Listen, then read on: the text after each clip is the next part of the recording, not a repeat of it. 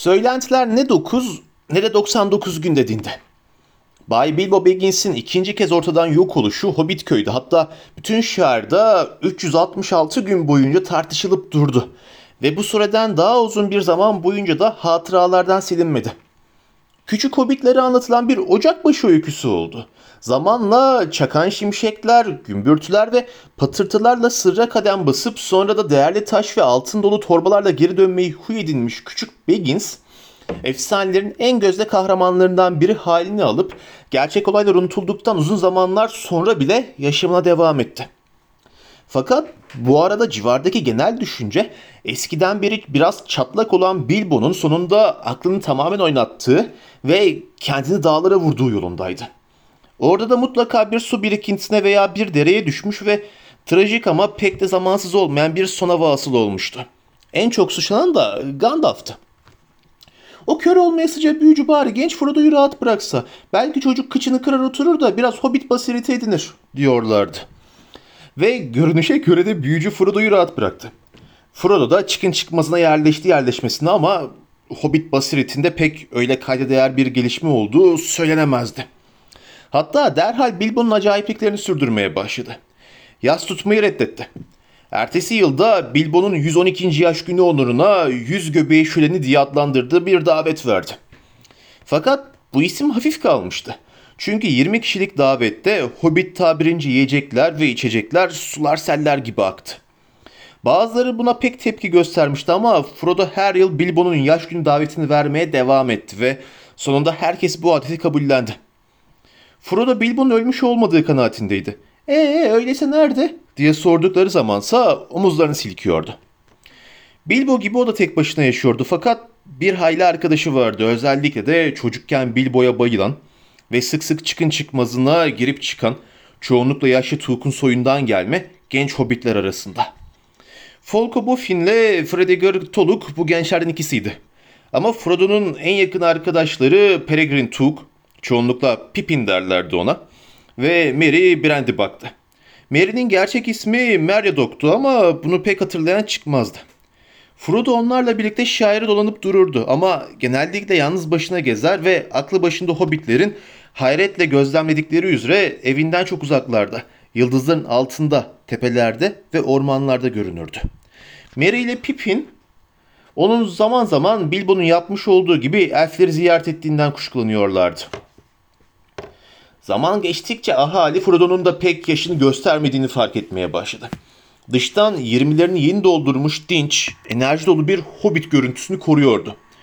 Bazıları da amma şanslı oluyor diyorlardı. Fakat Frodo daha ağır başlı bir yaş olması beklenen 50 yaşına yaklaşıncaya kadar bunun tuhaf bir şey olduğunu düşünmemişlerdi. Kendi açısından Frodo ilk şaşkınlıktan sonra kendi kendisinin efendisi ve çıkın çıkmazının Bay Baggins'i olmayı bir hayli zevkli bulmuştu. Epeyce yıl geleceği pek düşünmeden mutlu yaşadı. Fakat kendisi pek fark etmese bile e, Bilbo'yla gitmemiş olmasının pişmanlığı durmadan büyüyordu içinde.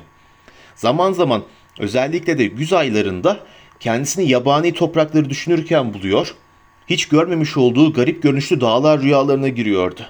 Kendi kendine belki bir gün ben de nehir geçerim demeye başladı. Ama zihninin diğer yarısı buna hep daha değil diye cevap veriyordu. Bu böylece 40'lı yaşlarının sonuna kadar sürdü gitti. 50. yaş günü yaklaşıyordu. 50 onun önemli ya da uğursuz saydığı bir rakamdı. En azından maceraların aniden Bilbo'ya gelip çattığı yaştı bu. Frodo içinde bir kıpırtıdır hissetmeye başladı. Eski yollar fazla aşınmış görünüyordu gözüne.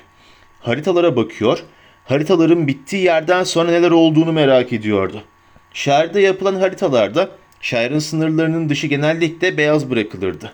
Kırlarda daha da uzaklara gitmeye ve daha sık yalnız gezmeye başladı. Mary ile diğer arkadaşları onu endişeyle izliyordu. Onu sık sık o sıralarda şehirde belirmeye başlayan yabancı yolcularla konuşur ve birlikte yürürken görür olmuşlardı. Dışarıda dünyadaki meydana gelmekte olan garip şeyler hakkında söylentiler vardı. Gandalf yıllardır ortalıklarda görünmediği ve bir haber de yollamadığı için Frodo toplayabildiği bütün haberleri topluyordu. Şairde pek nadiren rastlanan elfler artık akşamları ormanlardan batıya doğru giderken görülmekteydiler. Hep batıya doğru. Dönüşsüz bir gidiş. Ama onlar orta dünyayı terk ediyorlardı. Artık buraların sorunları hakkında söyleyecek bir sözleri yoktu. Fakat yolda alışılmadık sayıda cüce de vardı. Kadim Doğu, Batı yolu gri limanlara varmadan önce şairden geçiyordu. Ve cüceler mavi dağlardaki maden ocaklarına giderken hep bu yolu kullanırlardı. Cüceler uzak yerler konusunda hobbitlerin belli başlı haber kaynağıydı. Tabii eğer hobbitler bir haber duymak isterlerse. Normalde cüceler çok az konuşur. Hobbitler de daha fazlasını sormazdı. Fakat artık Frodo sık sık batıda sığınacak bir yer arayan uzak diyarların cücelerine rastlar olmuştu. Cüceler tedirgindi ve bazıları alçak sesle düş- düşmandan ve Mordor ülkesinden söz ediyordu. O ismi Hobbitler anılarının arka planında kalmış bir gölge misali, sadece karanlık geçmişe ait efsanelerin bir parçası olarak hatırlıyorlardı. Fakat uğursuz ve rahatsız edici bir isimdi bu. Anlaşılan Kuyut Orman'daki o belalı güçler Ak Divan tarafından sürüldükten sonra daha da güçlenmiş ve Mordor'un kalelerinde tekrar ortaya çıkmışlardı. Karanlık Kule yeniden inşa edilmiş deniyordu. Güç oradan dört bir yana yayılıyordu. Ta uzak doğuda ve güneyde savaşlar oluyor, korku büyüyordu. Orklar dağ- dağlarda çoğalıyorlardı yeniden. Troller de çıkmıştı ortaya. Üstelik artık öyle eskisi gibi kalın kafalı değil de kurnaz ve korkunç silahlarla donanmış olarak. Ayrıca çok daha korkunç yaratıklar hakkında da bir şeyler fısıldanıyordu. Ama onların isimleri yoktu. Elbette ki bunların pek azı sıradan hobbitlerin kulağına kadar ulaşmaktaydı. Fakat en sağır, en eve kapanmış hobbit bile garip hikayeler duymaya başladı. İşleri icabı sınırlara kadar gidenlerse tuhaf şeyler görür oldu. Frodo'nun 50. yaşının ilkbaharında bir akşam su başındaki Yeşil Ejderha'da geçen konuşmadan anlaşılacağı gibi hobbitlerin çoğu gülüp geçse de şairin o ferah fasur göbeğinde bile söylentiler duyulmuştu. Sam Gamgee ateşe yakın bir köşede oturuyordu. Karşısında da değirmencinin oğlu Ted Kumlu kişi vardı. Çevredeki birkaç köylü hobbit de onların konuşmalarını dinlemekteydi. Bugünlerde tuhaf şeyler duyuluyor doğrusu, dedi Sam. Ya, dedi Ted. Dinlerse duyar tabii. Ama canım ocakbaşı hikayeleri ve çocuk masalları duymak isterse evde de dinleyebilirim. Ona ne şüphe, dedi Sam altta kalmayarak. Ama bana soracak olursan onların bazılarında da tahminden fazla gerçek payı var. Hem bu hikayeler nasıl doğmuş? Ejderhaları ele alalım mesela. Ya sağ olasın dedi Ted. Almayayım. Küçük gene de onlardan söz edildiğini duyardım. Ama tutup da şimdi onlara inanmanın bir alemi yok. Su başında bir tek ejderha var o da yeşil diye ekledi. Herkesi kahkahalarla güldürmeyi başararak. Tamam dedi diğerleriyle birlikte gülen Sam. Peki ya şu ağaç adamlara ya da istersen dev de onlara. Onlara ne buyurulur? Koca bir ağaçtan daha büyük bir tanesinin pek öyle uzun bir zaman önce de değil üstelik. Kuzeye av kulaklarının ardında göründüğünü söylüyorlar. Kim söylüyor? Mesela kuzenim Hall. Kendisi yukarı tepedeki Bay Boffin'in yanında çalışır ve avlanmak için Kuzey Dirhem'e gider. O bir tane görmüş. Belki de gördüm demiştir senin oğul. Habire bir şeyler gördüm deyip duruyor. Belki de olmayan şeyleri görüyordur. Fakat bu anlattığı kara ağaç kadar büyükmüş ve yürüyormuş. Bir adım attı mı da en azından 7 metre gidiyormuş. Öyleyse adım falan atmıyordur. Seninkisinin gördüğü zaten kara ağaçtır garanti. Ama bu yürüyormuş diyorum sana. Hem kuzey avlaklarda kara ağaç yok ki. Öyleyse Hall'da görmüş olamaz dedi Ted. Gülüşmeler ve alkışlar duyuldu. Dinleyiciler Ted'in bir puan aldığını düşünüyor olmalıydılar. Her neyse fark etmez dedi Sam. Sırf bizim Holfos değil. Başkalarının da şardan geçen tuhaf tipler gördüğünü inkar edemezsin ya. Geçen diyorum dikkatini çekerim. Bir de sınırlardan geri çevrilenler var. Hudutçulara daha önce hiç bu kadar çok iş çıkmamıştı. Ve dediklerine göre elfler de batıya doğru ilerliyorlarmış. Onların limanlara ta ak kulelerden öteye gittiklerini söylüyorlar, dedi Sam. Kolunu müphem uzaklıklara doğru sallayarak. Ne o ne de diğerleri şairin batı sınırlarının ilerisindeki eski kulelerden sonra denizin ne kadar uzakta olduğunu biliyordu. Fakat o yönde çok uzaklarda bir yerde gri limanların olduğu ve elf gemilerinin zaman zaman bir daha dönmemecesine oradan yelken açtığı eskiden beri anlatılırdı. Denizin üzerinde yelken yelken gidiyorlar, batıya gidip bizi terk ediyorlar, dedi Sam. Bu sözleri ağır başlı ve ciddi bir ifadeyle adeta bir name gibi mırıldanmıştı. Ama Ted güldü. Eh bu da yeni bir şey sayılmaz. Tabii eğer eski masallara inanıyorsan. Bu seni veya beni neden ilgilendirir anlayamıyorum. Buyursunlar gitsinler. Ama bahse gelirim sen onların gittiğini görmedin. Şairde başka gören de olmamıştır. Bilemiyorum dedi Sam düşünceli düşünceli. Bir zamanlar ormanda bir elf gördüğü inancındaydı ve bir gün daha fazlasını görmeyi umuyordu. Çocukluğunda duyduğu tüm efsaneler arasında en çok hobbitlerin bildiği kadarıyla elfler hakkında anlatılan yarım yamalak masallar ve eksik hatırlanan hikayeler derinden etkilemişti onu. Buralarda bile uğurlu halkı bilip onlardan haber alan bazıları var dedi. Mesela yanında çalıştığım Bay Baggins var. Bana elflerin yelken açıp gittiklerini o söyledi. Eh o da elfleri bilmez değildir. Yaşlı Bay Bilbo daha da iyi bilirdi. Küçücük biri olanken onunla çok konuştuyduk. Oo onların ikisi de çatlak dedi Ted. En azından yaşlı Bilbo çatlaktı. Frodo da çatlıyor. Sen haberi onlardan alıyorsan daha safsataya ne hacet? Eh gari arkadaşlar ben eve gideyim. Sıhhatinize. Kupasını boşaltarak gürültüyle dışarı çıktı. Sam bir şey söylemeden sessizce oturdu. Düşünmesi gereken epey şey vardı. Bir kere çıkın çıkmazındaki bahçede yapılacak bir sürü iş bekliyordu ve ertesi gün hareketli bir gün olacaktı. Tabii eğer hava açarsa. Çimler çok çabuk büyüyordu fakat Sem'in aklına takılanlar bahçe bakımından ibaret değildi. Bir süre sonra iç geçirdi. Ayağa kalktı ve dışarı çıktı. Nisan'ın başlarıydı ve gökyüzü şiddetli bir yağmurdan sonra yeni açılmaktaydı. Güneş kavuşmuş, solgun serin bir akşam sessizce renk atarak geceye dönüyordu. Sam ilk çıkan yıldızların altında hafif bir ıslık tutturdu. Düşünceli düşünceli Hobbit köyün içinden geçip tepeye vurarak eve kadar yürüdü. İşte tam bu sırada Gandalf uzun yokluğundan sonra tekrar ortaya çıktı. Davetten sonra 3 yıl uzakta kalmıştı. Sonra Frodo'ya kısa bir ziyarette bulunmuş ve ona şöyle bir dikkatlice bakıp yine gitmişti. Ondan sonraki 1-2 yıl içinde hava karardıktan hemen sonra hiç beklenmedik bir anda çıkıp gelerek ve güneş doğmazdan önce sessiz sedasız giderek sıkça kendisini gösterdi. Kendi işini ve gezilerini hiç konuşmazdı. Daha ziyade Frodo'nun sıhhati ve yaptıklarıyla ilgilenir gibiydi. Sonra birdenbire ziyaretleri bitivermişti.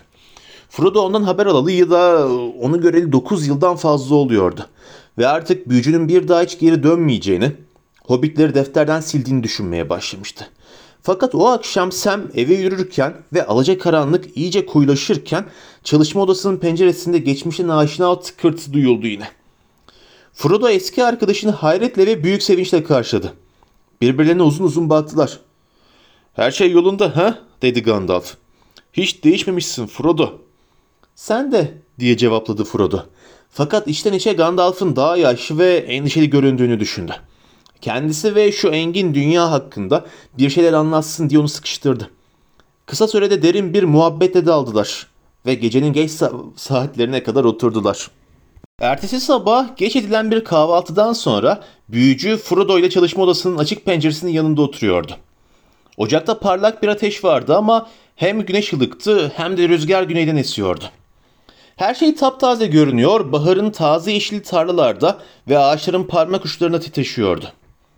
Gandalf neredeyse 80 yıl önceki Bilbo'nun çıkın çıkmazından yanına bir mendil dahi almadan çıkıp gittiği bir başka baharı düşünmekteydi. Saçları belki o günkünden daha beyaz, sakalı kaşları daha uzun, yüzü endişe ve bilgelikle daha bir kırışmıştı. Ama gözleri her zamanki kadar parlaktı ve piposunu hala aynı keyifle içiyor, dumandan halkaları aynı kuvvet ve zevkle üflüyordu. O anda sessizlik içinde içiyordu piposunu. Çünkü Frodo derin düşüncelere dalmış, kıpırdamadan oturuyordu. Sabahın ışığında bile Gandalf'ın getirmiş olduğu havadislerin karanlık gölgesini hissediyordu. Sonunda sessizliği bozdu. Dün gece yüzüğüm hakkında garip şeyler anlatmaya başlamıştın Gandalf, dedi. Ama sonra durdun ve bu tür meselelerin gün ışığına bırakılmasının daha iyi olacağını söyledin. Şimdi sözlerini tamamlamanın sırası değil mi sence de? Yüzüğün tehlikeli olduğunu söylüyorsun. Benim tahmin edemeyeceğim kadar tehlikeli olduğunu. Nasıl yani? Birçok yönden diye cevapladı büyücü. Benim ilk başta düşünmeye bile cesaret edemediğim kadar güçlü. O kadar güçlü ki ona sahip olan her ölümlüyü eninde sonunda tamamıyla mağlup eder. O kimseye sahip olur. Çok uzun zaman önce Eregion'da elf yüzükleri yapılmıştı. Sizin tabirinizde sihirli yüzükler. Ve bu yüzükler elbette ki çeşit çeşitti. Bazıları daha etkili, bazıları daha zayıf. Zayıf olan yüzükler elflerin bu hünerleri tam olarak olgunlaşmadan daha önce yaptıkları denemelerdi. Ve demirci elfler için bunlar sadece oyuncaklardı. Yine de ölümlüler için tehlikeliydiler bence. Fakat Ali yüzükler, kudret yüzükleri işte onlar korkunçtu. Ali yüzüklerden birini alıkoyan bir ölümlü ölmez. Ama büyüyüp daha çok yaşam da elde etmez Frodo. Sadece süre gider. Öyle ki sonunda her dakika ona bir yorgunluk gibi gelmeye başlar. Ve eğer yüzüğü sık sık görünmez olmak için kullanırsa da solar. Nihayet tamamen görünmez olur ve yüzüklere hükmeden karanlık gücün nazarı altında alacakaranlıkta yürür. Evet, er veya geç, eğer işin başında güçlü ve iyi niyetliyse daha geç olacaktır bu. Ama ne güç ne de iyi niyet dayanabilir. Er ya da geç karanlık güç onu yutar. Ne kadar korkunç dedi Frodo. Uzun bir sessizlik daha oldu. Bahçeden Sam Gemci'nin çimleri kestiği duyuluyordu. Bunu ne kadar zamandır biliyorsun diye sordu Frodo neden sonra. Ve Bilbo ne kadarını biliyordu? Bilbo sana anlattığından fazlasını biliyordu eminim dedi Gandalf. Bir tehlike içereceğini bildiği bir şeyi sana aktarmazdı kesinlikle. Sana göz kulak olacağım konusunda ona söz vermiş olsam da. O yüzüğün çok güzel ve ihtiyaç anında çok işe yarar olduğunu düşünüyordu. Gariplikleri, terslikleri de kendisine yoruyordu. Yüzüğün kafasında büyüdüğünü, hep yüzük konusunda endişe edip durduğunu söylemişti. Ama suçlanması gerekenin yüzüğün kendisi olduğunu hiç kuşkulanmadı. Gerçi bu şeye göz kulak olması gerektiğini keşfetmişti. Sanki her zaman aynı ağırlıkta ve büyüklükte olmuyordu. Garip bir şekilde çekiyor veya genişliyordu. Ve parmağında sıkı sıkı dururken aniden kayıp düşebiliyordu.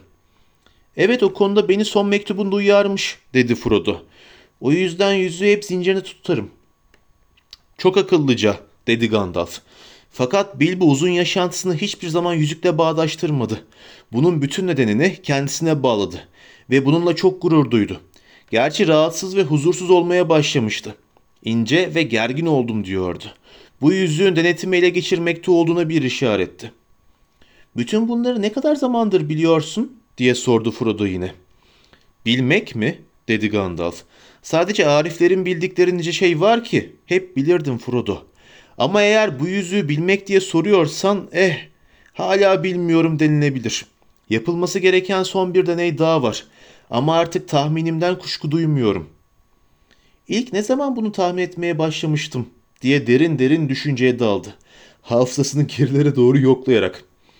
Dur bir bakayım. Ak Divan'ın karanlık gücü Kuyut Orman'dan kovduğu yılda tam beş ordular muharebesinden önce bulmuştu Bilbo yüzüğü. O zamandan henüz daha neden korktuğumu bilmesem de gönlüme bir gölge düşmüştü. Gollum'un bir Ali yüzüğü en azından Ali yüzük olduğu başından beri açıkça belliydi. E, nereden bulduğu sorusu sık sık takılıyordu aklıma. Sonra Bilbo'nun bu yüzüğü nasıl kazandığına dair anlattığı garip öyküyü dinledim ve bu öyküye inanamadım.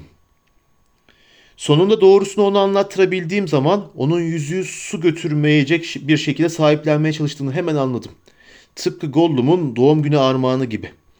İki yalan içime kurt düşürecek kadar birbirine benziyordu. Belli ki yüzüğün sahibini hemen etkilemeye başlayan sıhhatsiz bir gücü vardı. Her şeyin yolunda olmadığına dair aldığım ilk gerçek uyarı bu olmuştu. Sık sık Bilbo'ya bu tür yüzüklerin kullanılmadan bırakılmalarının daha iyi olacağını anlattım. Fakat o bundan gücendi ve kısa bir zaman sonra da sinirlenmeye başladı. Yapabileceğim pek başka bir şey yoktu. Daha büyük sakıncalar yaratmadan yüzüğü ondan alamazdım. Üstelik böyle bir şey yapmaya hakkım da yoktu zaten. Sadece bekleyip izleyebilirdim. Belki Aksaruman'a da danışabilirdim ama hep bir şeyler beni alıkoydu. O kim? diye sordu Frodo. Adını daha önce hiç duymamıştım. Duymamış olabilirsin diye cevap verdi Gandalf. Hobbitler onun ilgi alanına girmez ya da girmezdi. Yine de arifler arasında ulu biri sayılır. Benim tarikatımın büyüğü ve divanın başıdır. Bilgisi çok derindir ama bilgisiyle birlikte gururu da büyümüş. Biri işine karıştı mı sinirlenir. İster büyük olsun ister küçük elf yüzüklerin irfanı onun bilgi sınırları içindedir. Uzun zamandır yüzüklerin yapımıyla ilgili kaybolmuş sırları araştırarak bu konuda çalışıyor. Fakat yüzükler divanı tartışıldığı zaman yüzük ilminden bize aktardığı kadarı benim korkmama gerek olmadığını gösteriyordu. O yüzden kuşkum yatıştı ama huzursuzdum. Her şeye rağmen dikkat kesildim ve bekledim. Bilbo ile ilgili her şey yolunda görünüyordu. Ve aradan yıllar geçti. Evet yıllar geçiyor ama ona pek ilişmiyor gibiydiler. Yaşlandığına dair hiçbir emare yoktu. Yine üzerime bir gölge düştü. Fakat kendi kendime canım anne tarafından hep uzun yaşamış bir aileden geliyor. Daha zamanı var bekle bakalım dedim. Ve bekledim. Bu evi terk ettiği o geceye kadar bekledim. O gece beni Saruman'ın hiçbir sözünü yatıştıramayacağı bir korkuyla dolduran şeyler söyledi ve yaptı. O zaman karanlık ve ölümcül bir şeyin iş başında olduğunu anladım. Ve o günden beri yıllarımın çoğunu bu işin aslını ortaya çıkarmak için harcadım. Kalıcı bir zarar olmamıştır değil mi? diye sordu Frodo endişeyle. Zamanla iyi olacak değil mi? Yani huzur içine dinlenebilecek mi demek istiyorum. Zaten hemen kendisini daha iyi hissetti dedi Gandalf. Fakat bu dünyada yüzükleri ve etkilerini tepeden tırnağa bilen bir tek güç var. Ve benim bildiğim kadarıyla da hiçbir güç hobbitler hakkında her şeyi bilmez. Arifler arasında hobbit ilmiyle ilgilenen bir ben varım. Silik bir bilgi dalı ama sürprizlerle dolu. Tereyağı gibi yumuşak da olabiliyorlar. Yaşlı ağaç kökleri kadar sert de. Sanırım bazıları yüzüklere, Ariflerin çoğunun düşünemeyeceği kadar uzun süreli tahammül edebilir. Bana sorarsan Bilbo için üzülmene hiç gerek yok. Elbette ki yüzeye uzun yıllar sahip oldu. Onu kullandı da. O yüzden etkisinin üzerinden gitmesi, mesela yüzüğü sakıncasızca tekrar görebilecek duruma gelmesi için uzun yıllar geçmesi gerekebilir. Yoksa yıllarca son derece mutlu olarak yaşamaması için bir neden yok. Yüzükten ayrıldığı andaki gibi kalır. Çünkü sonunda kendi iradesiyle terk etti onu. Bu da önemli bir nokta. Hayır, yüzüğü bıraktığından beri artık sevgili Bilbo hakkında endişe duymuyordum. Ben kendimi senin için sorumlu hissediyorum. Bilbo ayrıldığından beri hem sen hem de tüm bu sevimli, akılsız, bir çare hobbitler için endişeleniyorum. Eğer karanlık güç şaire hakim olur da sizin şu iyi yürekli çakır keyif sersem toluklarınız, boynuz üfleyenleriniz, bofinleriniz, bel kuşaklarınız ve diğerleri ve tabi maskara Bagginsler köle olurlarsa bu dünya için çok acıklı bir darbe olur. Frodo'nun tüyleri diken diken olmuştu. Ama niye köle olalım diye sordu. Hem sonra neden bizim gibi köleleri olsun istesin? Doğruyu söylemek gerekirse diye cevaplandırdı Gandalf. Sanırım şimdiye kadar dikkatini çekerim. Şimdiye kadar hobbitlerin varlıkları tamamıyla dikkatinden kaçmıştı. Bu yüzden şükretmelisiniz. Fakat artık emniyete değilsiniz. Onun size ihtiyacı yok. İşine daha çok yarayan bir sürü hizmetkarı var zaten. Ama bir daha sizi unutmaz. Ve mutsuz köle hobbitler, mutlu ve özgür hobbitlerden çok daha fazla keyif verir ona. Kötülük ve öç denilen bir şey var. Öç mü? dedi Frodo. Neyin öcü? Ben hala Bilbo ile benimle ve yüzüğümüzle ne gibi bir ilgisi olduğunu anlayamadım. Her türlü ilgisi var, dedi Gandalf. Henüz asıl tehlikeyi bilmiyorsun ama bileceksin. Son kez buraya geldiğimde ben de bundan pek emin değildim. Fakat artık konuşmanın zamanı geldi. Bir dakikalığına yüzüğü bana ver.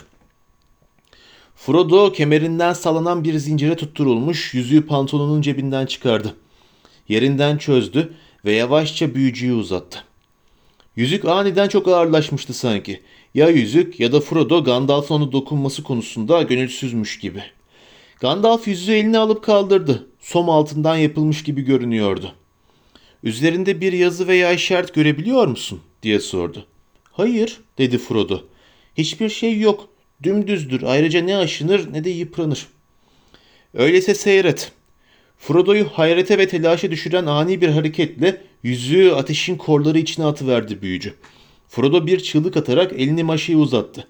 Ama Gandalf onu durdurdu. Bekle, dedi emreden bir sesle. Frodo'ya kalın kaşları altından dikkatli bir bakış fırlatarak. Yüzükte gözle görünür bir değişiklik, yok, değişiklik yoktu. Bir süre sonra Gandalf ayağa kalkarak pencerenin dışındaki panjurları kapattı ve perdeleri çekti. Oda karanlık ve sessiz oldu. Gerçi Sem'in artık pencerenin daha yakınından gelen bahçe makasının takırtısı hala belli belirsiz de olsa duyulabiliyordu. Büyücü bir an ateşe bakarak ayakta durdu. Sonra eğilerek bir maşayla yüzüğü ocaktan çıkardı ve hemen eline aldı. Frodo'nun nefesi tutuldu. Tamamen soğuk dedi Gandalf. Al Frodo avucunu ürkerek açıp yüzüğü aldı. Yüzük her zamankinden daha kalınlaşmış, daha ağırlaşmış gibiydi. Kaldır, dedi Gandalf. Ve yakından bak. Frodo söyleneni yapınca yüzüğün hem içinde hem de dışında yüzük boyunca dönen ince, en ince kalem çizgilerinden de ince çizgiler gördü. Adeta akıp giden bir el yazısını oluşturan ateşten çizgiler. İçe işleyen bir canlılıkla parlıyorlardı ama yine de sanki çok büyük bir derinlikten gelirmişçesine uzaktılar. Bu ateşten harfleri okuyamam, dedi Frodo titrek bir sesle. Okuyamazsın, dedi Gandalf. Ama ben okurum. Bunlar eski elf harfleri ama lisan Mordor lisanı. Ki o lisanı burada dile getirmeyeceğim. Fakat ortak dilde anlamı şu, aşağı yukarı. Hepsine hükmedecek bir yüzük. Hepsini o bulacak. Hepsini bir araya getirip karanlıkta birbirine bağlayacak. Bu elf irfanlarında uzun zamandan beri bilinen bir şiirin iki mısrası. Üç yüzük göğün altında yaşayan elf krallarına, yedisi taştan saraylarında cüce hükümdarlara, dokuz yüzük ölümlü insanlara, ölecekler ne yazık. Bir yüzük gölgeler içindeki Mordor diyarında, kara tahtında oturan karanlıklar efendisine, hepsine hükmedecek bir yüzük, hepsini o bulacak, hepsini bir araya getirip karanlıkta birbirine bağlayacak, gölgeler içindeki Mordor diyarında.'' Bir an duraksadı. Sonra yavaş yavaş derin bir sesle bu hükmeden yüzük. Hepsine hükmedecek olan tek yüzük. Bu onu nasırlar önce kaybettiği için gücünün büyük ölçüde zayıflamasına neden olan tek yüzük. Onu geri almayı çok arzuluyor ama almamalı dedi. Frodo sessiz ve hareketsiz oturdu. Korku ona doğru kocaman bir el uzatıyordu sanki. Doğudan yükselip onu yutmak için büyüyen kara bir bulut gibi. Bu, bu, bu yüzük diye kekeledi. Nasıl, nasıl oldu da bu yüzük bana geldi? Ah dedi Gandalf. Bu çok uzun bir hikaye. Başlangıcı artık sadece töre bilgelerinin hatırladığı kara yıllara dayanır. Sana bütün o hikayeyi anlatacak olsam bahar geçip kış gelse bile hala burada oturuyor oluruz. Fakat dün gece sana Büyük Sauron'dan, Karanlıklar Efendisi'nden söz etmiştim. Kulağına gelen söylentiler doğru. Gerçekten de yeniden uyandı. Kuyut ormandaki sığınağını terk etti ve Mordor'un karanlık kulesindeki kadim kulesine döndü. Bu ismi eski masalların sınırlarına dolanan bir gölge misali siz hobbitler bile duymuşsunuzdur. Her bozgundan sonra gölge bir müddet bekleyip başka bir biçim alarak tekrar büyüyor. Benim zamanımda olmamış olmasını dilerdim, dedi Frodo. Ben de, dedi Gandalf. Ayrıca böyle zamanlarda yaşaması nasip olan herkes de aynı şeyi dilerdi. Ama bu onların belirleyebileceği bir şey değil. Bizim belirleyebileceğimiz tek şey bize verilen bu zamana ne yapacağımız. Ve daha şimdiden Frodo, zamanımız kara görünmeye başladı. Düşman hızla ve çok fazla kuvvetleniyor. Tasarıları henüz pek olgunlaşmamış sanırım. Ama olgunlaşıyor. Çok zorlanacağız. Hatta bu korkunç ihtimal ortaya çıkmasa bile çok ama çok zorlanacaktık. Düşman hala ona karşı tüm kuvveti yerle bir edecek, son savunmaları kıracak ve bütün diyarları yeniden karanlıkla kaplayacak olan güç ve bilgiyi sağlayabileceği tek şeyden mahrum. Tek yüzük elinde değil. Hepsinin arasında en güzelleri olan üç yüzüğü elf hükümdarları zamanında onlardan saklamışlar. Ellerini sürüp kirletememişler. Yedi tanesine cüce krallar sahip olmuş. Ama bunların üç tanesini geri almış. Kalanları da ejderhalar imha etmiş. Dokuz tanesini mağrur ve büyük fani insanlara vermiş ve böylece onları ele geçirmiş. Uzun zaman önce onun hakimiyeti altına girip yüzük tayfları olmuşlar. Yani onun büyük gölgesinin altındaki gölgeler. En korkunç hizmetkarları. Çok eskiden bütün bunlar. Dokuzlar ortalıkta görünmeyeli çok yıl oldu. Yine de kim bilebilir. Gölge bir kere daha büyümeye başladığına göre onlar da tekrar ortaya çıkabilirler. Ama neyse. Bu türden şeylerden şairin sabahında bile söz etmeyelim. Şimdi durum şöyle. Dokuzları geri aldı. Yedilerinde kimini aldı, kimi yok oldu. Üçler hala gizli. Fakat bu artık onu hiç rahatsız etmiyor. Tek olan ona yeter. Çünkü o yüzüğü bizzat yapmıştı. O onun yüzüğü ve eski gücünün büyük bir bölümünü bu yüzüğe aktarmıştı ki tüm diğerlerine hükmedebilsin. Eğer yüzüğü tekrar elde ederse o zaman yine hepsine emri geçebilecek. Nerede olurlarsa olsunlar. Hatta üçlere bile. O zaman bu yüzüklerle işlenmiş olan her şey ortadan kalkacak ve her zamankinden daha güçlü olacak. İşte o korkunç ihtimal bu Frodo. Tek yüzüğün yitip gittiğini, elflerin onu imha ettiğini zannediyordu. Zaten öyle de yapılması gerekirdi. Fakat artık yüzüğün yitip gitmediğini, bulunmuş olduğunu biliyor. Onu arıyor.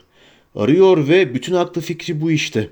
Bu onun en büyük ümidi ve bizlerin en büyük korkusu. Neden? Neden imha edilmemiş peki? diye haykırdı Frodo. Sonra madem düşman o kadar güçlüydü ve yüzük onun için bu kadar değerliydi, nasıl olmuştu yüzüğü kaybetmiş? Sanki daha şimdiden yüzüğü almak için uzanan karanlık parmakları görüyormuşçasına yüzüğü elinde sıkı sıkı tuttu. Yüzük ondan alınmıştı, dedi Gandalf.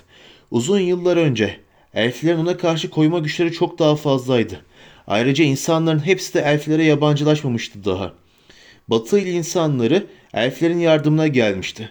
Aslında bu kadim tarihin belki de hatırlamamızda fayda olan bir sayfası. Çünkü o zamanlar da keder vardı. Büyüyen bir karanlık vardı. Ama nice yiğitlikler de oldu. Ve bütün o yapılanlar tamamen boşa gitmedi. Belki de bir gün bütün öyküyü anlatırım sana. Ya da belli mi olur? Belki de daha iyi bilen birinden dinlersin. Fakat şimdilik bütün bilmen gereken bu şeyin nasıl olup da sana geldi. Ki o da başlı başına bir hikayedir. Sana sadece şu kadarını söyleyeceğim. Sauron'u elf kralı Gilgalad'la Batı illi Elendil bozguna uğrattı. Kendileri de bu uğurda can verdiler. Elendil'in oğlu Isildur yüzüğü Sauron'un elinden kesip çıkarttı ve aldı. O zaman Sauron mağ- mağlup oldu ve ruhu kaçıp uzun yıllar saklandı. Ta ki gölgesi tekrar Kuyut Ormanı'nda şekilleninceye kadar. Fakat yüzük kayboldu. Ulu nehir Anduin'e düşüp yok oldu. Isildur nehirin doğu, kıy- doğu kıyılarında kuzeye doğru giderken ferah çayırların yakınında dağlı orklar tarafından pusuya düşürüldü. Halkının büyük bölümü öldü. O sulara atladı ama yüzerken yüzük elinden çıkınca orklar onu görüp orklarıyla onu da öldürdüler. Gandalf bir an sustu.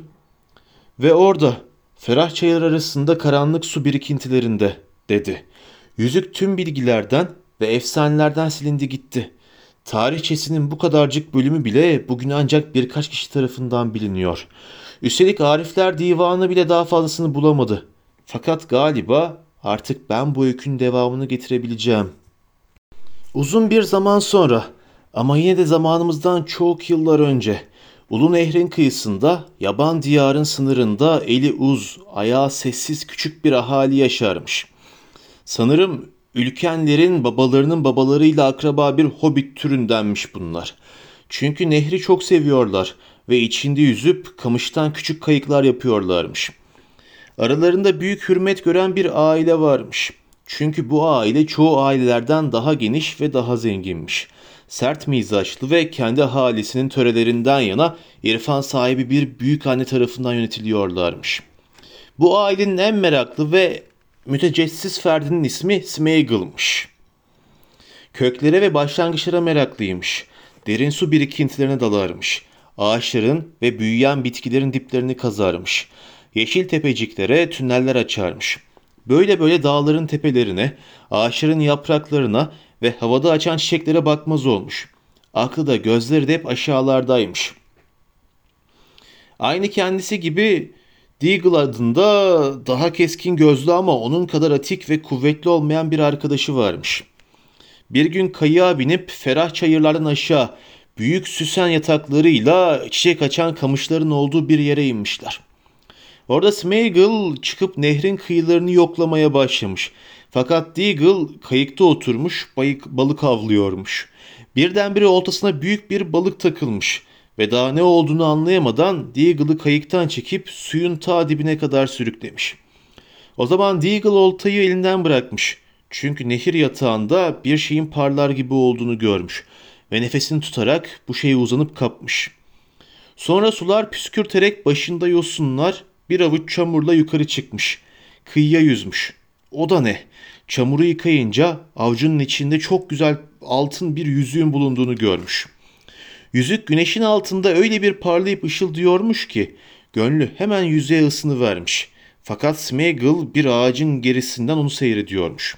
Deagle ağzı bir karış açık yüzeye sevinirken Smeagol yavaş şarkısından gelmiş. Onu bize ver Deagle canım demiş Smeagol arkadaşının omzunun üzerinden. Neden? demiş Deagle. Çünkü bugün benim yaş günüm canım ve onu istiyoruz demiş Smeagol. Bana ne? Demiş Deagle. Ben sana bir armağan verdim zaten. Hem de ne armağan? Ba- bana ben bunu ben buldum. Benim olacak. Ya öyle mi gerçekten şekerim? demiş Smeagol. Ve Deagle'ın boğazına yapıştığı gibi onu boğmuş. Çünkü altın son derece parlak ve güzel görünüyormuş. Sonra yüzüğü parmağına geçirmiş. Kimse Deagle'ın başına ne gel neler geldiğini öğrenememiş. Evinden çok uzakta öldürülüp büyük bir ustalıkla saklanmış çünkü. Ama Smeagol tek başına geri dönmüş ve yüzüğü taktığı zaman ailesinden hiç kimsenin kendisini göremediğini anlamış. Bu buluşu çok hoşuna gitmiş ve bunu herkesten saklamış. Yüzük sayesinde gizli tutulan şeyleri ortaya çıkarıp öğrendiklerini çarpık ve kötü amaçlı işler için kullanmaya koyulmuş. Can yakacak her konuda keskin gözlü ve delik kulaklı olmuş. Yüzük ona kendi heybetine göre güç vermiş. Tahmin edeceğin gibi hiç mi hiç sevilmeyen ve göze göründüğü zamanlar bütün akrabalarının kaçındığı biri olup çıkmış. Onu tekmeliyorlarmış. O da onların ayaklarını ısırıyormuş. Hırsızlık yapmaya başlamış ve etrafta kendi kendine konuşur, fokur fokur sesler çıkarır olmuş. O yüzden ona Gollum adını takmışlar. Lanet okuyup oralardan uzaklaşmasını söylemişler. Büyük annesi de huzura kavuşmak için onu aileden kovmuş ve oyuğundan atmış. Yapayalnız biraz da dünyanın katılığını ağlayarak etrafta dolaşmış. Nehir yukarı gitmiş. Sonra dağlardan akıp gelen bir dereye rastlayıp oraya yönelmiş. Görünmeyen parmaklarıyla derin su birikintilerinden balık avlayıp çiğ çiğ yiyormuş. Bir gün hava çok sıcakmış. Tam bir su birikintisinin üzerine doğru eğilmişken başının arkasından adeta yandığını hissetmiş ve sudan gelen titrek bir ışık ıslak gözlerine acı vermiş. Önce anlayamamış. Çünkü neredeyse güneşin varlığını bile unutmuşmuş. Sonra son bir kez daha yukarı bakmış ve yumruğunu güneşe sallamış. Fakat gözlerini yere doğru indirirken uzaklarda derenin akıp geldiği dumanlı dağların zirvelerini görmüş. Ve birdenbire şöyle düşünmüş. O dağların altı serin ve gölgeliktir. Güneş orada beni gözleyemez. O dağların kökleri de köktür hani. Oralarda başlangıçtan beri ortaya çıkarılmamış kim bilir ne büyük sırlar gömülüdür. Böylelikle Gollum geceleri yol olarak dağlık bölgeye varıp Karadere'nin çıktığı küçük bir mağara ağzı bulmuş. Aynı bir kurtçuk gibi kıvrıla kıvrıla dağların merkezine kadar inmiş ve kayıplara karışmış. Yüzük de onunla birlikte gölgelere dalmış ve zamanla gücü yeniden büyümeye başlayan yapıcısı dahi bu konuda bir şey öğrenememiş. Gollum diye bağırdı Frodo. Gollum mu? Yani bu Bilbo'nun karşılaşmış olduğu o Gollum yaratığının ta kendisi mi? Ne kadar iğrenç. Bence bu çok acıklı bir öykü dedi büyücü. Üstelik aynı şey başkalarının da başına gelebilirdi. Hatta benim tanıdığım hobbitlerden bazılarının bile başına gelebilirdi. Gollum'un ne kadar uzaktan olursa olsun hobbitlerle bir ilgisi olduğuna inanamam dedi Frodo hararetle. Düşünmesi bile korkunç. Gene de doğru diye cevap verdi Gandalf.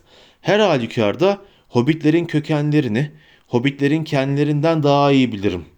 Üstelik Bilbo'nun öyküsü bile aradaki akrabalığı çağrıştırıyor. Akıllarının ve hafızalarının gizli köşelerinde birbirine çok benzeyen birçok ortak şey vardı. Birbirlerini kayda değer ölçüde iyi anlıyorlardı. Mesela bir hobbitin bir cüceyi veya bir orku hatta bir elfi anlayabileceğinden çok daha iyi. En azından her ikisinin de bildiği bilmeceleri düşün. Evet dedi Frodo. Gerçi hobbitlerden başka halklar da bilmece sorar ve bilmecelerin çoğu birbirine benzer. Ayrıca hobbitler hile yapmazlar. Gollum daha en başın hileye niyetliydi. Ayrıca hobbitler yani sadece zavallı Bilbo'yu savunmasız bırakmaya çalışıyordu. Hem eminim kazanırsa kendisine kolay bir lokma sağlayabilecek. Yok kaybederse de canını yakmayacak bir oyuna girmek. O kötü ruhuna çok eğlenceli gelmiştir. Korkarım tamamıyla haklısın dedi Gandalf. Ama bence işin içinde başka bir şey daha vardı. Sen henüz bunu görmüyorsun. Gollum bile tamamıyla bozulmamıştı. Ariflerin bile tahmin edemeyeceği kadar sağlam çıkmıştı. Aynen bir hobbit gibi. Aklının hala kendine ait olan bir köşesi vardı. ve tıpkı karanlıktaki bir çatlak misali buradan içeri ışık sızıyordu. Geçmişten bir ışık. Hatta sanırım rüzgarın, ağaçların, çimenler üzerindeki güneşin, bütün unuttuğu şeylerin hatıralarını tekrar canlandıran sıcak bir ses duymak hoşuna bile gitmişti. Fakat bu elbette ki onun kötü tarafını sonunda daha da kızdıracaktı. Eğer bu kötü tarafı tamamen fethedilemezse, eğer bu kötü tarafı iyi edilemezse Gandalf içini çekti. Heyhat, bu konuda onun için çok az ümit var. Yine de hiç yok sayılmaz.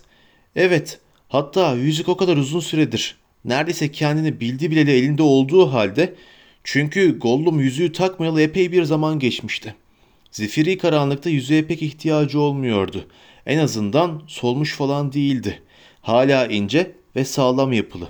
Fakat yüzük aklını kemirip duruyordu tabii ve bu azap dayanılmaz boyutlara gelmişti.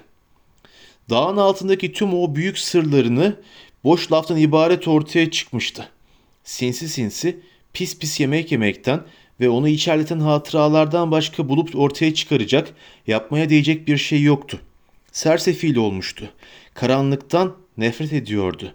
Ama ışıktan daha da çok nefret ediyordu. Her şeyden nefret ediyordu. En başta da yüzükten. Ne demek istiyorsun? dedi Frodo.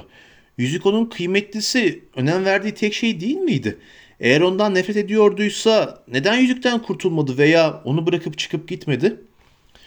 Bütün o duyduklarından sonra anlamaya başlaman lazım artık Frodo, dedi Gandalf. Ondan hem nefret ediyor hem de seviyordu. Aynı kendinden nefret edip kendini sevdiği gibi. Ondan kurtulamazdı. Artık bu konuda hiç iradesi kalmamıştı. Bir güç yüzüğü kendi başının çaresine bakar Frodo. Yüzük haince sahibinin parmağından düşebilir. Ama sahibi hiçbir zaman onu terk edemez. Olsa olsa yüzüğü bir başkasına emanet etmek düşüncesiyle kendini kandırıp durur. Bunu da ancak ilk devrelerde yapabilir. Yüzük onu yeni yeni ele geçirmeye başladığı zamanlarda. Ama bildiğim kadarıyla yüzüğün tarihçesinde bir tek Bilbo bu düşünceyi sadece düşünce safhasında bırakmayıp gerçekleştirebildi. O da ancak benim olanca yardımımla. Ve o bile yüzüğü öylesine terk etmeyi ya da atıp kurtulmayı asla başaramazdı. Kararları veren Gollum değildi Frodo. Yüzüğün kendisiydi. Yüzük onu terk etti. Aa tam da Bilbo'ya rast geleceği anda öyle mi? dedi Frodo. Bir ork ona daha uygun olmaz mıydı? Bu gülünecek bir konu değil dedi Gandalf. En azından senin için değil. Yüzüğün bugüne kadar gelen tarihçesinde en garip olaydır bu. Bilbo'nun tam zamanında gelip körü körüne karanlıkta elini onun üzerine koyması. İşin içinde birden fazla güç vardı Frodo. Yüzük sahibine geri dönmek istiyordu. Isildur'un elinden kayıp düşmüş, onu ele vermişti. Sonra bir fırsatı çıkınca zavallı Deagle'ı yakaladı ve Deagle öldürüldü. Ondan sonra sırada Gollum var. Yüzük onu hırsla yiyip bitirdi. Gollum artık yüzüğün işine yarayamazdı. Fazla küçük ve soysuzdu. Yüzük elinde olduğu müddetçe de o derin su birikintisini asla terk etmeyecekti. O yüzden sahibi bir kez daha uyanıp karanlık düşüncesini kuyut ormandan yayınca yüzük Gollum'u terk etti. Terk etti ve akla gelebilecek en son kişi tarafından bulundu. Charles Bilbo. Bütün bunların gerisinde iş başında olan başka bir şey daha vardı. Yüzük yapıcısının tüm planlarını aşan bir şey. Bunu en açık şöyle söyleyebilirim. Yüzüğün yapıcısı değil, Bilbo tarafından bulunması yazılmıştı. Bu durumda senin eline geçmesi de yazılmıştı. Bu da bize cesaret verebilir. Hiç vermiyor, dedi Frodo. Gerçi seni tam olarak anladığımı söyleyemeyeceğim. Fakat yüzük ve Gollum hakkında bu kadar şeyi nasıl öğrendin? Bunları gerçekten biliyor musun yoksa hala sadece tahmin mi yürütüyorsun? Gandalf gözlerine sert bir ışıltıyla Frodo'ya baktı. Çok şey biliyordum ve çok şey öğrendim diye cevap verdi. Fakat bütün yaptıklarımın hesabını sana verecek değilim. Elendil, Isildur ve tek yüzüğün öyküsünü bütün arifler bilir. Başka hiçbir delil olmasa bile sırf ateş yazısı yüzüğün o tek yüzük olduğunu ispatlamaya yeterdi. Peki onu ne zaman keşfettin? diye sordu Frodo sözünü keserek. Daha şimdi, bu odada elbette diye cevap verdi büyücü sertçe. Fakat böyle bir keşif yapmayı bekliyordum. Karanlık yolculuklardan ve uzun araştırmalardan bu en son deneyi yapmak için geldim. Bu son kanıttı. Artık her şey fazlasıyla açık. Gollum'un bu işteki rolünü bulup onu tarihçenin boş kalan yerine koymak için biraz düşünmem gerekti. İlk başta Gollum hakkında bazı tahminlerde bulunmuş olabilirim. Ama artık tahmin yürütmüyorum. Biliyorum. Onu gördüm. Gollum'u mu gördün? diye bağırdı Frodo hayretle. Evet, elbette ki bunun gerekli olduğu besbelliydi. Eğer mümkün olursa tabii. Uzun zaman önce dene- denemiştim. Sonunda başardım. O halde Bilbo karanlıkta ondan kaçtıktan sonra ne olmuş? Bunu biliyor musun? Pek sayılmaz. Sana anlattıklarım Gollum'un anlatmaya yanaştığı şeylerdi gerçi. Elbette ki sana aktardığım şekilde değil. Gollum tam bir yalancı. Söylediklerini elekten geçirmek gerekiyor. Mesela yüzük için doğum günü armağanım diyordu. Ve bu iddiadan asla vazgeçmedi.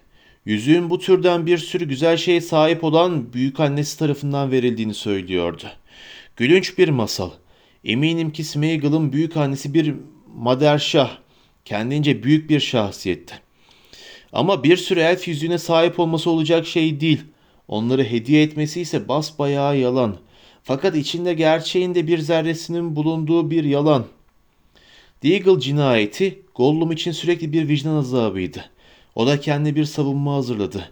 Ve karanlıkta kemikleri kemirirken bunu kıymetlisine tekrarlamaya tekrarlaya neredeyse kendisi de inanır oldu. O gün sahiden onun yaş günüydü. Deagle yüzüğü ona vermeliydi. Belli ki yüzük sırf ona armağan olmak için öyle çıka gelmişti. Yüzük onun yaş günü armağanıydı falan filan. Elimden geldiğince onu tahmin ettim. Fakat gerçeği öğrenmek hayati önem taşıyordu. Sonunda sertliğe başvurmak zorunda kaldım. İçine ateş korkusunu saldım ve bol bol salya sümük ve hırıltılar arasından gerçek öyküyü parça parça söküp çıkarttım. Yanlış anlaşıldığı ve kötü muamele gördüğü kanısındaydı. Ama nihayet bana bilmece oyununun sonuna ve Bilbo'nun kaçışına kadar tüm tarihçesini anlattıktan sonra başka bir şey söyleyemedi. Karanlık birkaç ima dışında. İçinde benim saldığımdan daha büyük bir korku vardı. Kendisine ait olanı geri alacağını mırıldanıyordu. Oradan oraya tekmelenip deliğin birine sürülüp bir de soyulmaya göz yummayacağını herkese gösterecekti. Gollum'un artık iyi arkadaşları, iyi ve çok güçlü arkadaşları vardı. Onlar ona yardım edecekti. Baggins bunun hesabını verecekti. Aklı fikri bundaydı. Bilbo'dan nefret ediyor ve ona lanetler yağdırıyordu. Dahası Bilbo'nun nereden geldiğini de biliyordu. Peki bunu nasıl öğrenmiş diye sordu Frodo. Eh ismini Bilbo kendisi bütün aptallığıyla Gollum'a söylemiş. Daha sonra Gollum bir kere dışarı çıktı mı da Bilbo'nun hangi ülkeden olduğunu keşfetmesi pek zor olmazdı zaten. Evet dışarı çıkmış. Yüzüğe olan özlemi orklara hatta ışığa duyduğu korkudan bile daha ağır basmış. Bir iki yıl sonra dağları terk etmiş. Görüyorsun ya her ne kadar hala yüzüğün arzusuyla bağlanmış bile olsa yüzük artık onu onu için için yiyip bitirmiyordu. Biraz biraz yaşam bulmaya başlamıştı. Kendisini yaşlı, çok yaşlı hissediyordu ama yine de daha az ürkekti ve öylesiye acıkmıştı. Işıktan, güneşin ve ayın ışığının hala korkuyor ve nefret ediyordu. Sanırım hep de böyle kalacak. Yine de şeytan gibi akıllıydı. Hem gün hem de mehtap ışığından saklanabileceğini, o renksiz, renksiz soğuk gözleriyle gecenin köründe yolunu usulca ve çabucak bulacağını ve korkmuş ya da onu fark etmeyen küçük şeyleri avlayabileceğini keşfetti. Bu yeni yiyecekler ve yeni hava sayesinde kuvvetlendi. Tahmin edebileceğin gibi kuyu ormana kadar sızmayı başardı. Onu orada mı buldun diye sordu Frodo. Onu orada gördüm diye cevap verdi Gandalf. Fakat daha önce Bilbo'nun izini sürerek daha uzaklara gitmişti. Ondan katil bir şeyler öğrenmek çok zordu. Çünkü konuşması sürekli lanetlerle ve tehditlerle kesiliyordu. Cebisinde ne varmış diyordu. Söylemeyecekmiş. Yok kıymetlim küçük düzenbaz. O soru sayılmaz ki. Önce o hile yaptı. Bal gibisi yaptı. Kuralları sımızı bozdu. Onu suyunu sıkıp çıkarmalıydık. Ya kıymetlim? Görür o kıymetlim. Bu konuşmasından bir örnekti. Sanırım daha fazlasını duymak istemezsin. Bunlarla dolu yorucu bir gün geçirdim. Fakat hırıltılar arasından kaptığım ipuçlarını bir araya getirerek ayaklarının onu sonunda Eskarot'a hatta vadinin sokaklarına kadar getirdiğini öğrendim. Buralarda saklı saklı etrafı dinleyip gözetlemiş. Eh, büyük olayların haberi yaban diyarda çabuk yayılmıştı. Bilbon adını duymuş olan, onun nereden geldiğini bilen bir sürü kişi vardı. Batıya, onun yurduna döndüğümüzü de kimseden gizlememiştik. Gollum'un keskin kulakları öğrenmek istediklerini işitmekte gecikmemiştir. O hali neden Bilbo'yu daha ileriye kadar izlememiş? diye sordu Frodo. Neden şaira gelmemiş? Hah dedi Gandalf. Şimdi sıra ona geliyor. Sanırım Gollum bunu yapmaya çalıştı. Yola koyulup batıya doğru. Ulu Nehir'e kadar geri geldi. Fakat sonra yol başka yola saptı.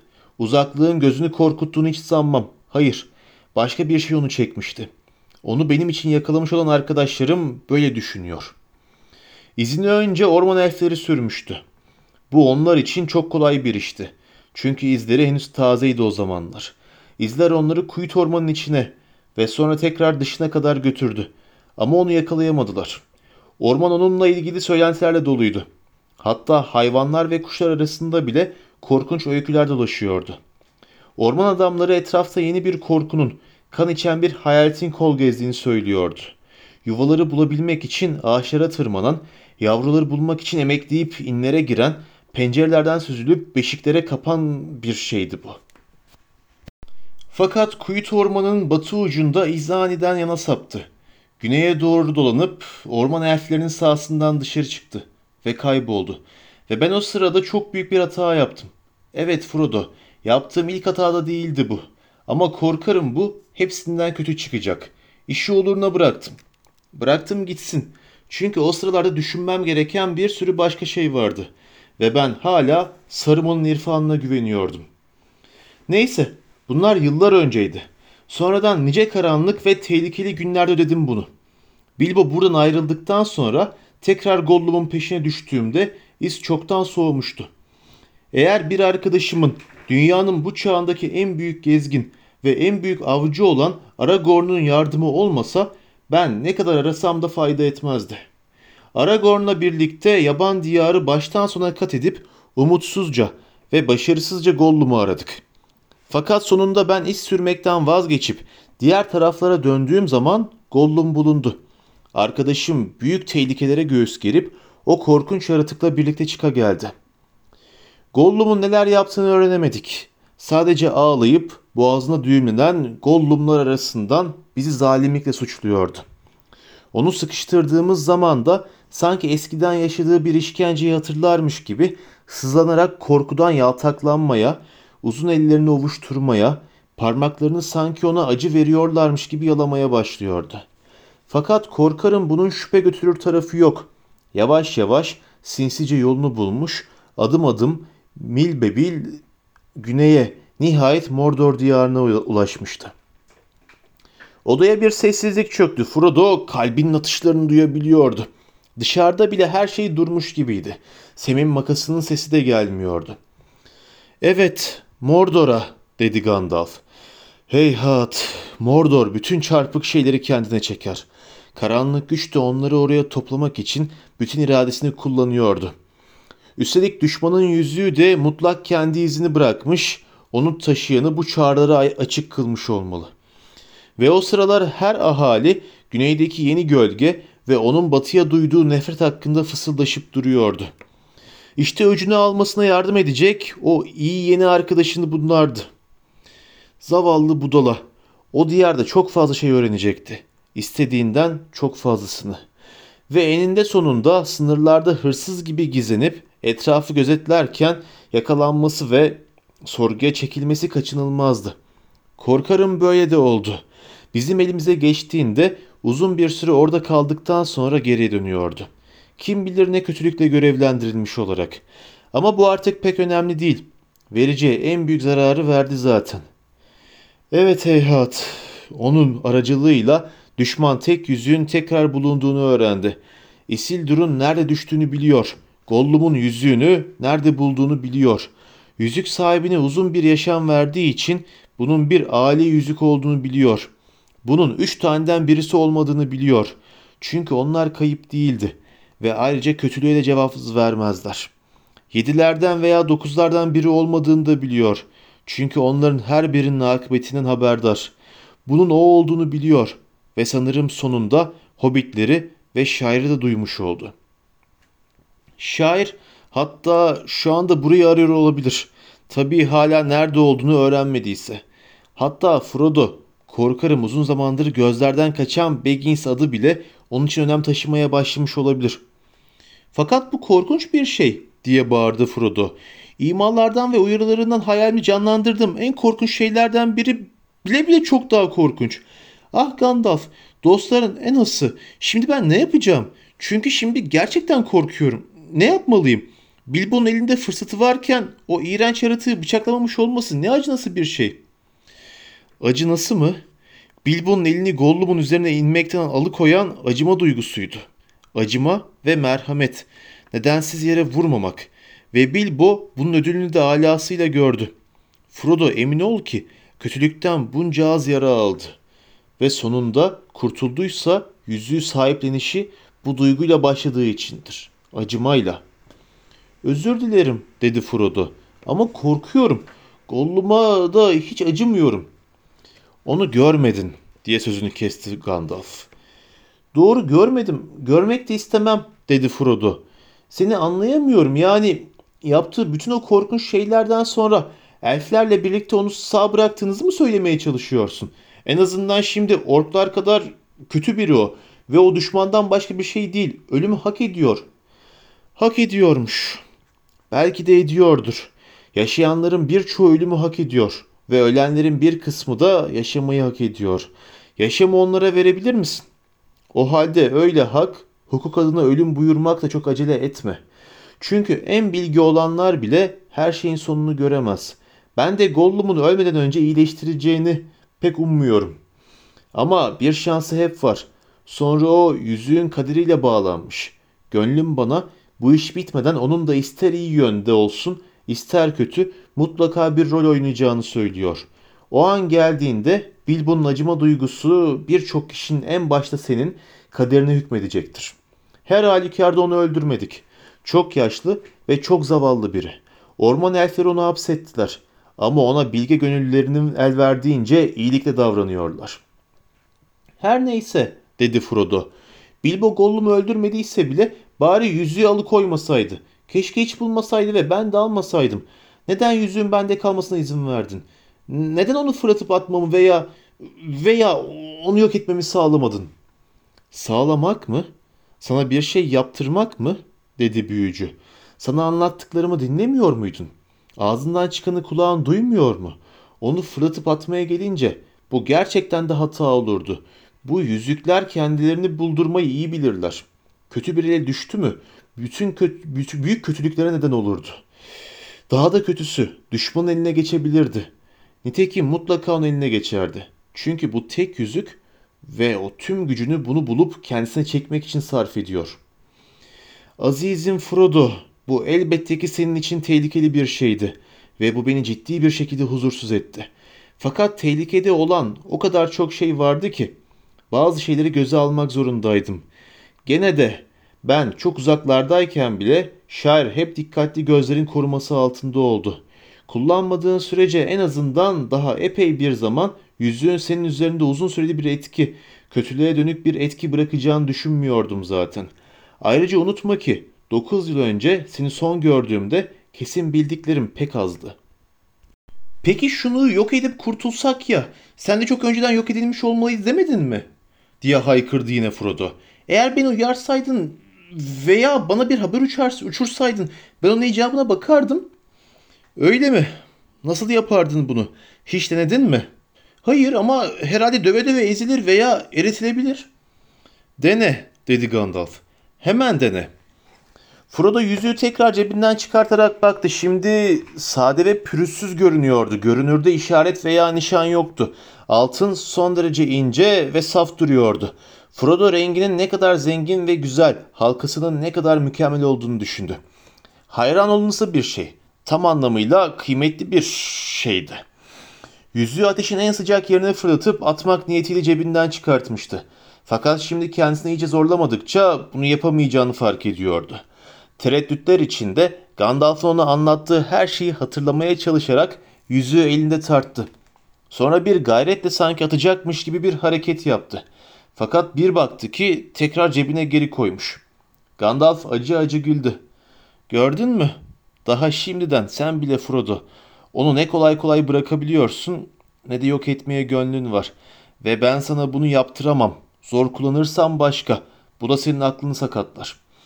Fakat yüzüğü sakatlamaya gelince bu konuda zor kullanmak faydasız. Onu alıp ağır bir balyozla indirsen yüzükte bir iz bile bırakamazsın. O ne senin ne de benim ellerimle yok edilebilir.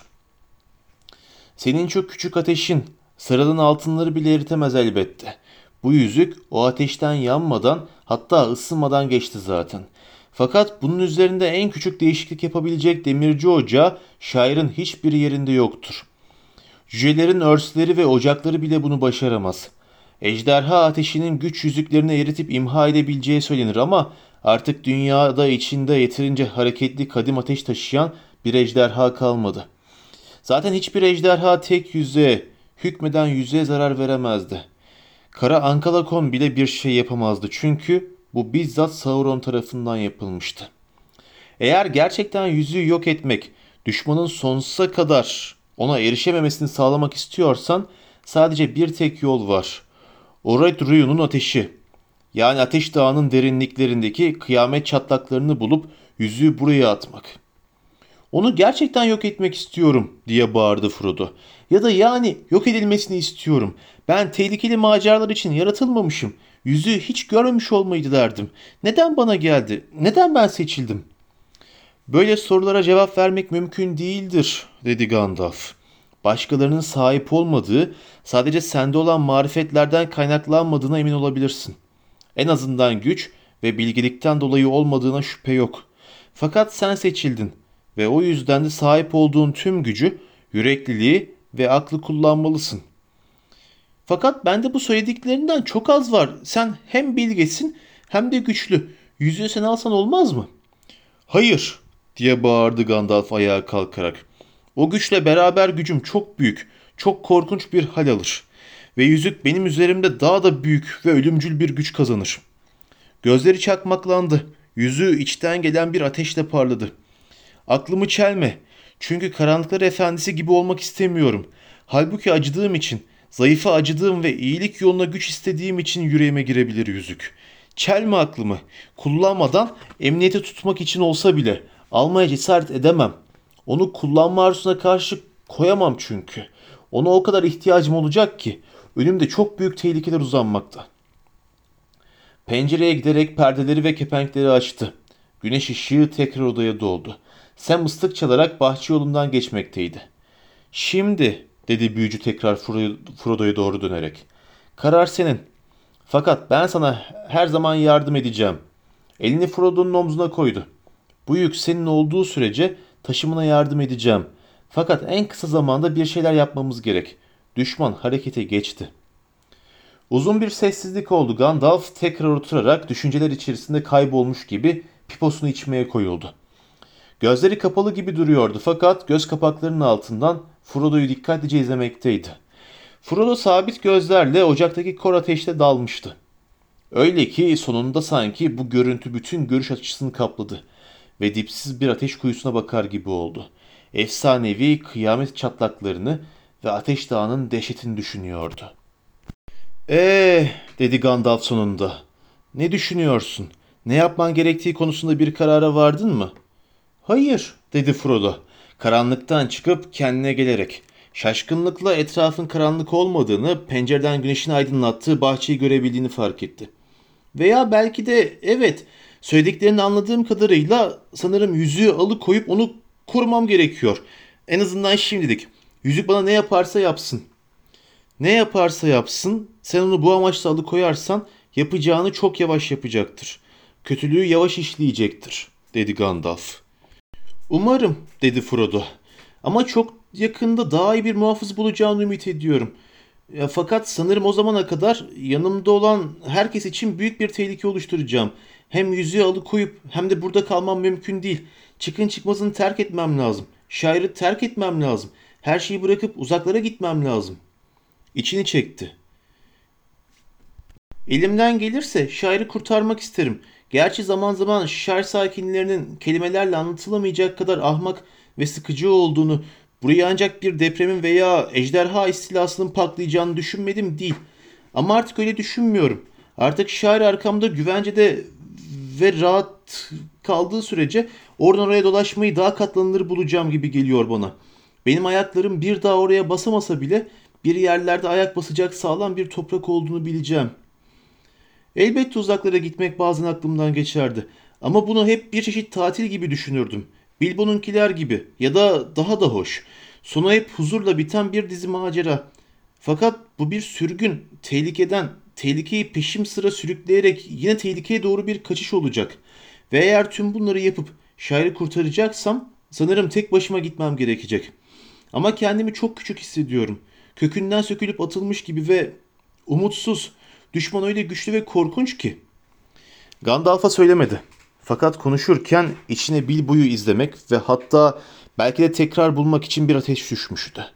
Bu o kadar kuvvetliydi ki korkusunu gölgeliyordu. Neredeyse o dakikada odadan fırlayıp uzun zaman önce benzer bir sabah Bilbo'nun yapmış olduğu gibi şapkasını bile almadan koşup gidebilirdi. Sevgili Frodo diye haykırdı Gandalf. Daha önce de dedim ya, hobbitler gerçekten ilginç yaratıklar. Onlarla ilgili öğrenilecek ne varsa bir ay içinde öğrenebilirsin. Ama bir de bakarsın yüz yıl sonra bir darlık anında seni gene de şaşırtıvermişler. Böyle bir cevabı senden bile pek beklemiyordum doğrusu. Fakat Bilbo bunun ileride ne kadar önemli olacağını bilmese de varisini gerçekten iyi seçmiş. Korkarım haklısın. Yüzük şairde uzun süre daha saklı kalamaz. Diğerlerinin olduğu kadar kendi iyiliğin için de buradan uzaklaşıp Baggins ismini arkanda bırakman lazım. Bu isim şair dışında veya yaban diyarda başını derde sokar. Şimdi sana bir yolculuk ismi vereceğim. Buradan ayrıldığın zaman ismin Bay Tepedibi olsun. Fakat bence tek başına gitmen gerekmiyor.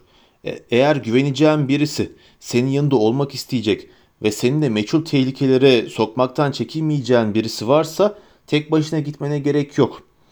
Ama eğer kendine bir yoldaş arayacaksan seçimini çok dikkatli yap ve en yakın dostlarınla bile dikkatli konuş. Düşmanın hem çok fazla ajanı var hem de bir sürü haber alma yöntemi. Aniden sanki bir şeyler dinliyormuş gibi sustu. Frodo hem içeride hem dışarıda etrafın çok sessiz olduğunu fark etti. Gandalf pencerenin yan tarafına doğru süzüldü. Sonra tek hareketle pencereye sıçrayıp kolunu aşağı uzattı.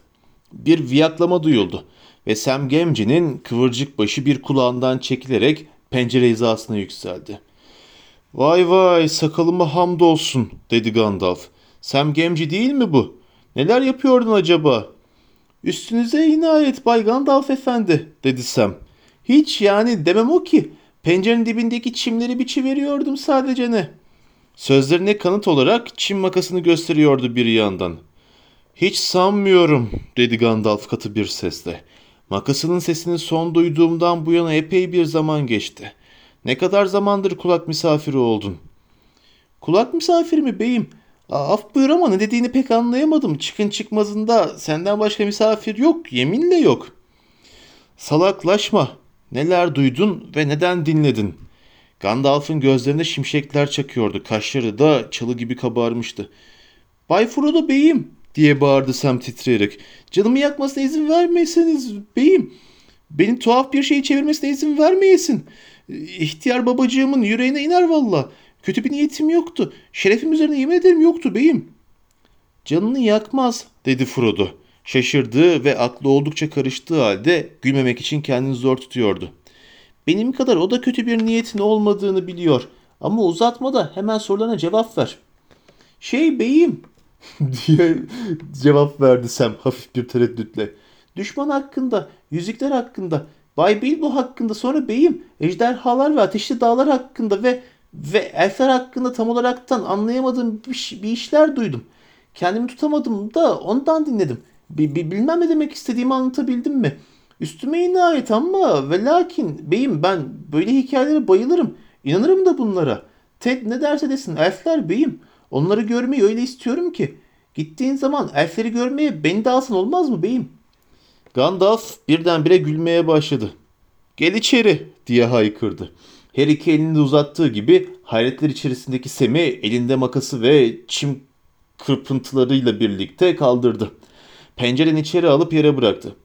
Elfleri görmeye seni de alsın ha dedi. Semi tepeden tırnağa süzmekteydi ama yüzünde hala bir tebessüm vardı.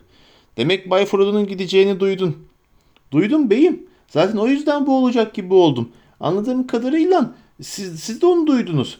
Kendimi tutmaya çalışmıştım beyim ama ağzıma o ses çıkıverdi. Öyle üzülmüştüm ki ne. Çaresi yok Sam dedi Frodo hüzünle. Şairden kaçmanın, çıkın çıkmazının bildik rahatlıklarına veda etmekten daha acılı ayrılıkları da içereceğini anlamıştı birdenbire.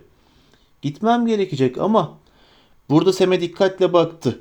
Eğer beni gerçekten düşünüyorsan bunu tamamen gizli tutacaksın. Anladın mı? Eğer tutmazsan, eğer burada duyduklarının tek bir kelimesini bile anlatacak olursan umarım Gandalf seni benekli bir kurbağaya çevirir ve de bütün bahçeyi yılanlarla doldurur. Sam titreyerek dizleri üzerine çöktü. Kalk ayağa Sam dedi Gandalf. Benim aklıma daha iyi bir fikir geldi. Senin çeneni kapatacak ve bizi dinlediğin için de cezanı bulmanı sağlayacak bir şey. Sen de Bay Frodo ile birlikte gideceksin. Ben mi beyim diye haykırdı Sam. Yürüyüşe çıkacağını anlayan bir köpek gibi ayağa fırlayarak. Ben gidip elfleri melfleri göreceğim. Yaşasın diye bağırdı ve bir anda hıçkırıklara boğuldu.